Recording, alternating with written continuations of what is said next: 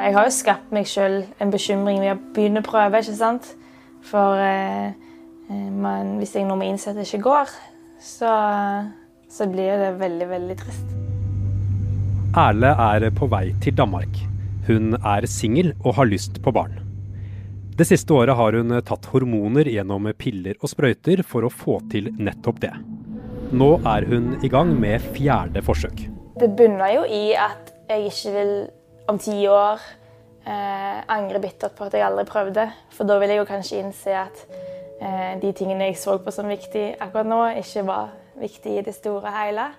Det er fortsatt forbudt å hjelpe single i Norge til å få barn med donert sæd. Men det vil endre seg nå.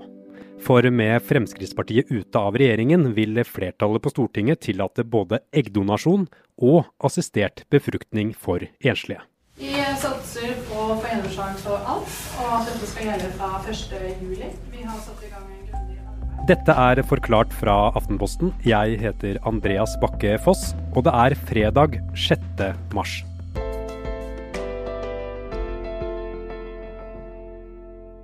Trine Eilertsen, du er sjefredaktør her i Aftenposten, men for fem år siden så var du politisk redaktør, og da skrev du en kommentar om eggdonasjon. Der åpnet du med å stille deg selv spørsmålet hva er en mor? Hva svarte du? Nei, Det jeg svarte da var at uh, assosiasjonen til mor for veldig mange av oss, det er omsorg, nærhet, tørke snørr, kjøpe nye vinterstøvler, passe på at du blir reist opp igjen når du faller. Altså alle disse vanlige mer sånn, altså, omsorgsoppgavene i hverdagen. da. Uh, men så var jo det andre svaret at uh, hva er en mor? Det er blitt et mye vanskeligere spørsmål å svare på etter hvert som teknologien har gjort det mulig å få frem barn på nye måter. Men hvordan har debatten om eggdonasjon og assistert befruktning da komplisert dette morsbegrepet? Altså I gamle dager, så hvis du var født av en kvinne, så var det ingen tvil om eh, hvem som var mor og hvem som var barn, eh, og hvordan båndene var mellom de. Det, var, kunne være litt mer tvil om far, eh, og det kan det fremdeles, men mor har det på en måte aldri vært eh, tvil om. Men så er det mulig å få eh, donert egg, som gjør at en kvinne kan eh, bære frem et barn som ikke kommer fra hennes egen eggproduksjon, så å si. og da får du plutselig en situasjon der eh, et barn eh, kan ha en genetisk mor og en fødemor, som vi kaller det. Og så kan du ha barn som er adoptert. Eh, det har vi alltid hatt i våre samfunn, men det er jo mye større åpenhet om det nå enn det var for 40-50 år siden. Så da har du et barn som er født en helt annen sted, men som vokser opp med en mor, en sosial mor, som tar seg av dette barnet og er juridisk mor. Sånn altså, du kan ha surrogati. Altså en, en kvinne som får inn et egg fra en kvinne nummer to, som overlater omsorgen til barnet til en kvinne nummer tre. Sånn at da får du en helt ny diskusjon av morsbegrepet sammenlignet med det vi hadde før vi hadde disse mulighetene. Så det rommer mye mer nå? Ja, det er mye mer. Og da er jo litt sånn kjernediskusjonen hva er en mor? Er det en teknisk forståelse, en genetisk DNA-aktig forståelse av det, eller er det denne omsorgsbiten? Hvem er det som er med barnet i det daglige? Innstilling fra helse- og omsorgskomiteen om evaluering av bioteknologiloven. Debatten om hvorvidt Norge skal tillate eggdonasjon og assistert befruktning for enslige har pågått i årevis. President, Bioteknologi gir mange muligheter til beste for mennesket. Kunnskap om årsaker til sykdom, mer spesifikk diagnostikk og behandling, bedre framstilling av legemidler og flere muligheter innenfor assistert befruktning. Eggdonasjon er at en kvinne donerer et egg som befruktes av sædceller utenfor kroppen, for så å settes inn i en annen kvinne. Assistert befruktning er befruktning som skjer utenfor kroppen eller ved inseminasjon. President, Kjærlighet er fundamentet til at folk ønsker å dele livene sine, få barn og stifte familie. Derfor president, er mitt spørsmål til KrF anerkjenner KrF at familier kommer i mange varianter? Det har lenge vært flertall på Stortinget for å tillate eggdonasjon og assistert befruktning for enslige. Men likevel har det ikke skjedd noe før nå.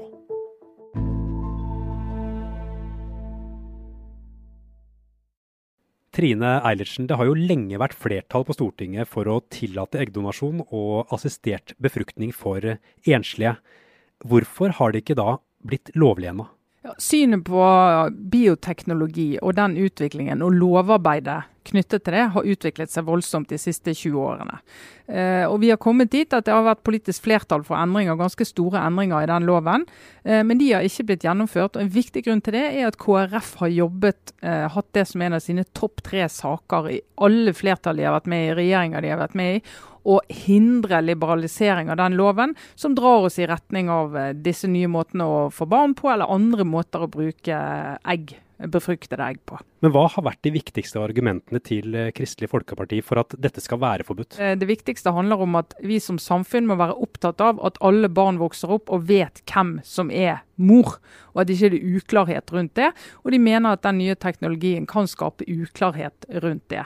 Eh, det andre de mener er at eh, ja, mange har problemer med å få barn, men, og de må vi prøve å hjelpe. Men vi kan ikke si at teknologien skal styre hvor de grensene går. Vi må ha en etisk diskusjon som gjør at vi som politikere og som samfunn sier at vi vet dette er mulig, men vi må sette en grense her av hensyn til barna.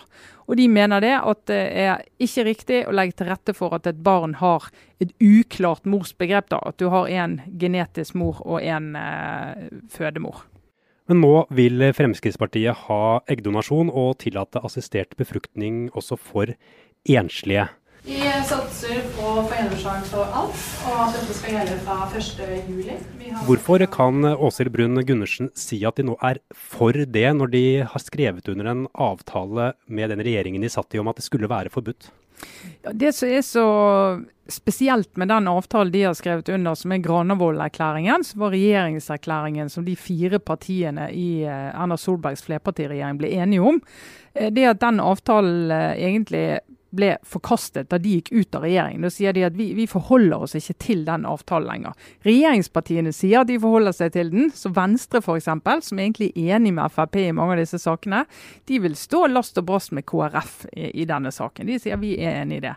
KrF gikk inn i regjering og har som sagt som en av sine topp tre saker at dette er en seier vi skal ha, før vi overhodet snakker videre om samarbeid. Og det har de fått gang på gang på gang, men nå er dette helt i spill igjen. Og Det var jo faktisk flertall på Stortinget før de forhandlingene om regjering, og de hadde blitt enige om på Stortinget at du skulle åpne for eggdonasjon og assistert befruktning for enslige, og så ble det stoppet opp da KrF kom i regjering. Men hva er det dette politiske flertallet mener er de viktigste grunnene for å tillate dette? Nei, altså, de sier at nå har teknologien og den medisinske utviklingen gitt oss en mulighet til å løse barnløshet som vi ikke hadde før. Eh, det er mulig å donere sæd. Hvorfor skal det ikke være mulig å donere egg? Hvorfor skal vi rangere typer av barnløshet med utgangspunkt i kjønn? Eh, sier de. Eh, og de mener at eh, denne måten å tenke rundt barn og familieskap på, at politikere skal ikke gå inn og rangere hva som er gode og dårlige familier. Vi lever i et samfunn der barn kan vokse opp i veldig ulike familier. Og de mener at vi har et system som gjør at dette ikke er snakk om et frislepp, som da KrF er redd for. At du skal få en slippery slope, at du plutselig sklir inn i surrogatien og, og andre metoder som det er flertall mot. Men de sier at dette håndterer vi. Og det medisinske miljøet, det er viktig å understreke, de er veldig opptatt av at det åpnes for dette. Veldig mange kvinner drar i dag til utlandet for å få eh, barn på denne måten.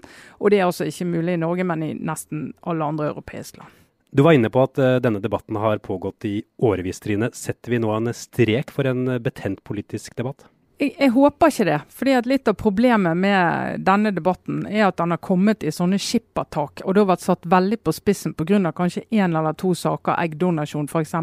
Men det, bioteknologi og utviklingen innen det området går raskt. Mulighetene blir flere og mer avanserte for hvert år som går. Og politikerne bør evne å ha en løpende debatt om det, som gjør at vi ikke får disse enormt polariserte, intense debattene når disse sakene kommer, men hvor de har en litt sånn kjølig vurdering. Hva muligheter har vi? Vil vi bruke de mulighetene, eller vil vi det ikke?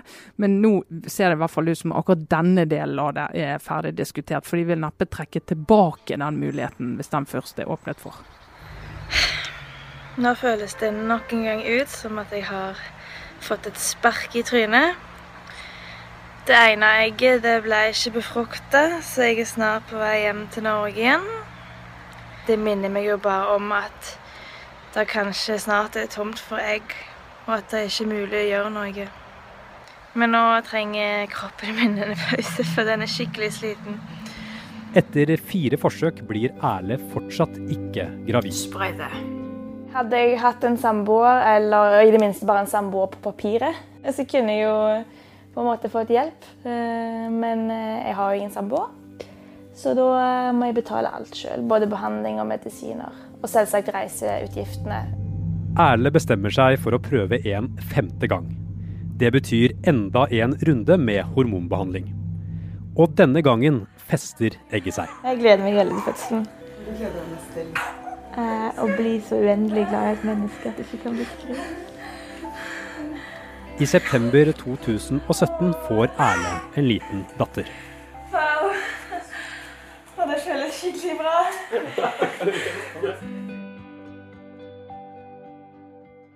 Tine Dommerud, du er helsejournalist i Aftenposten. Hvem er de som snart vil kunne få barn som ikke har kunnet det tidligere? Det er to grupper. Det er um, par hvor det, kvinnen ikke kan få barn med egne egg. Og det er enslige kvinner som ikke har noen partner. Um, Fremskrittspartiet er ganske strenge på når det gjelder par, at 50% av genmaterialet må komme fra en av partnerne. Sånn at det vil nødvendigvis da være mannen som bidrar med sæd, og kvinnen som får hjelp til å få egg. Du har møtt eh, mange ufrivillig barnløse i ditt arbeid som eh, journalist, Tine. Hva forteller de deg om hvordan det er? De forteller om stor smerte. Jeg har snakket med mange unge kvinner som Erle, som får beskjed om at hvis de skal ha barn med egne egg, så haster det. Jeg har snakket med eldre enslige kvinner som har ventet på kanskje å treffe en partner, men som ikke har gjort det, og som eggene er i ferd med å gå ut på dato. Og jeg har vært i kontakt med mange par som opplever det som fryktelig vanskelig at ikke de kan få barn. Men hvor mange er det som har gjort som Erle og reist til utlandet for å få barn på en måte som ikke da har vært tillatt i Norge? Det tallet er helt umulig å si, fordi det er i dag ikke noe registrering av hvem som reiser ut. Eh, en undersøkelse i Danmark i 2016 viste at det var over 1700 norske par som dro bare dit for å få hjelp. De fikk ikke bare hjelp til eggdonasjon, men de kunne også få hjelp til andre ting. Eh, myndighetene regner med at det er ca. 200 par i året. Jeg tror at det blir veldig mange flere nå, når dette blir et tilbud i det offentlige. Fordi mange reiser eh, ut og har penger, men mange velger å være i Norge og tror kanskje ikke at de kan få hjelp i det hele tatt. Um, jeg har snakket med Spiren, en privat klinikk, og de forteller om par som opplever det som veldig skamfullt at de har vært i utlandet. De føler at de må lyve for slekt og venner fordi de ikke vet um, De vil ikke fortelle at de har fått hjelp i utlandet. Og mange er også veldig redd for om de vil få oppfølging, om de får lov å føde i Norge, om de får oppfølging i svangerskapskontrollen. Mange av disse problemstillingene blir jo borte når dette blir et tilbud i det offentlige som det kanskje kan bli. Vi vet ikke om det blir offentlig eller privat, men det blir i hvert fall lov. Men bare for å ha det helt klart, eh, Tine. De som har fått hjelp til å bli gravid i utlandet, de vil få samme type oppfølging i Norge når de skal føde? Ja, helt klart. Og det er ikke noen som har lov til å spørre hvordan ble du gravid i Norge. Så alle som har reist til utlandet har helt samme mm, rett til behandling, mm, fødetilbud og svangerskapsoppfølging som alle andre. Mens politikerne har brukt årevis på å diskutere om eggdonasjon og assistert befruktning skal være lov, så har den teknologiske utviklingen rast av gårde. Det betyr at politikerne snart må ta stilling til helt nye etiske dilemmaer. Ja, Det blir nesten som en sånn science fiction. Vi vet at uh, i Sverige så har flere kvinner blitt gravide ved at de har fått transplantert inn livmor fra en annen. Det betyr at uh, man kan jo begynne å tenke på går det an å um, transplantere livmor inn i en maskin. Jeg tror ikke det, men det er, det er en tanke. Vi vet også at stamcelleteknologi gjør det mulig å lage nye celler på bestilling, så man kan se for seg at man kan lage eggceller og sædceller av eget eh, DNA. Dette er prøvd ut på mus, og det er veldig lang tid før man kan prøve dette ut på mennesker. Men det kan bety at en kvinne kan på en måte skaffe seg både eggceller og sædceller av eget materiale, men dette er veldig lang tid. Det er langt fra dyreforsøk til menneskeforsøk. Men betyr dette at disse endringene som man nå snakker om i bioteknologiloven, nærmest eh, er utdatert allerede? Jeg tror ikke det. Fordi nettopp det at utviklingen skjer så innmari fort, gjør at vi er nødt til å stanse opp og ta noen etiske diskusjoner. Hvis det blir mulig å manipulere med egg og sædceller, så kan man jo også manipulere med mennesker. Og da må vi sette oss ned og tenke vil vi bare ha mennesker med brune øyne? Vil vi bare ha slanke mennesker?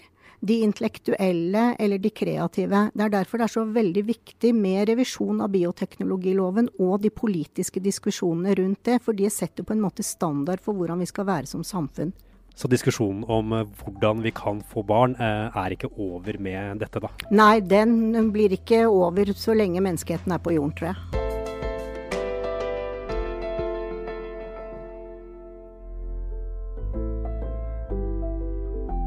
Forklart lages av Caroline Fossland, Anne Lindholm, Fride Næss Nonstad, Kristoffer Rønneberg og meg, Andreas Bakke Foss.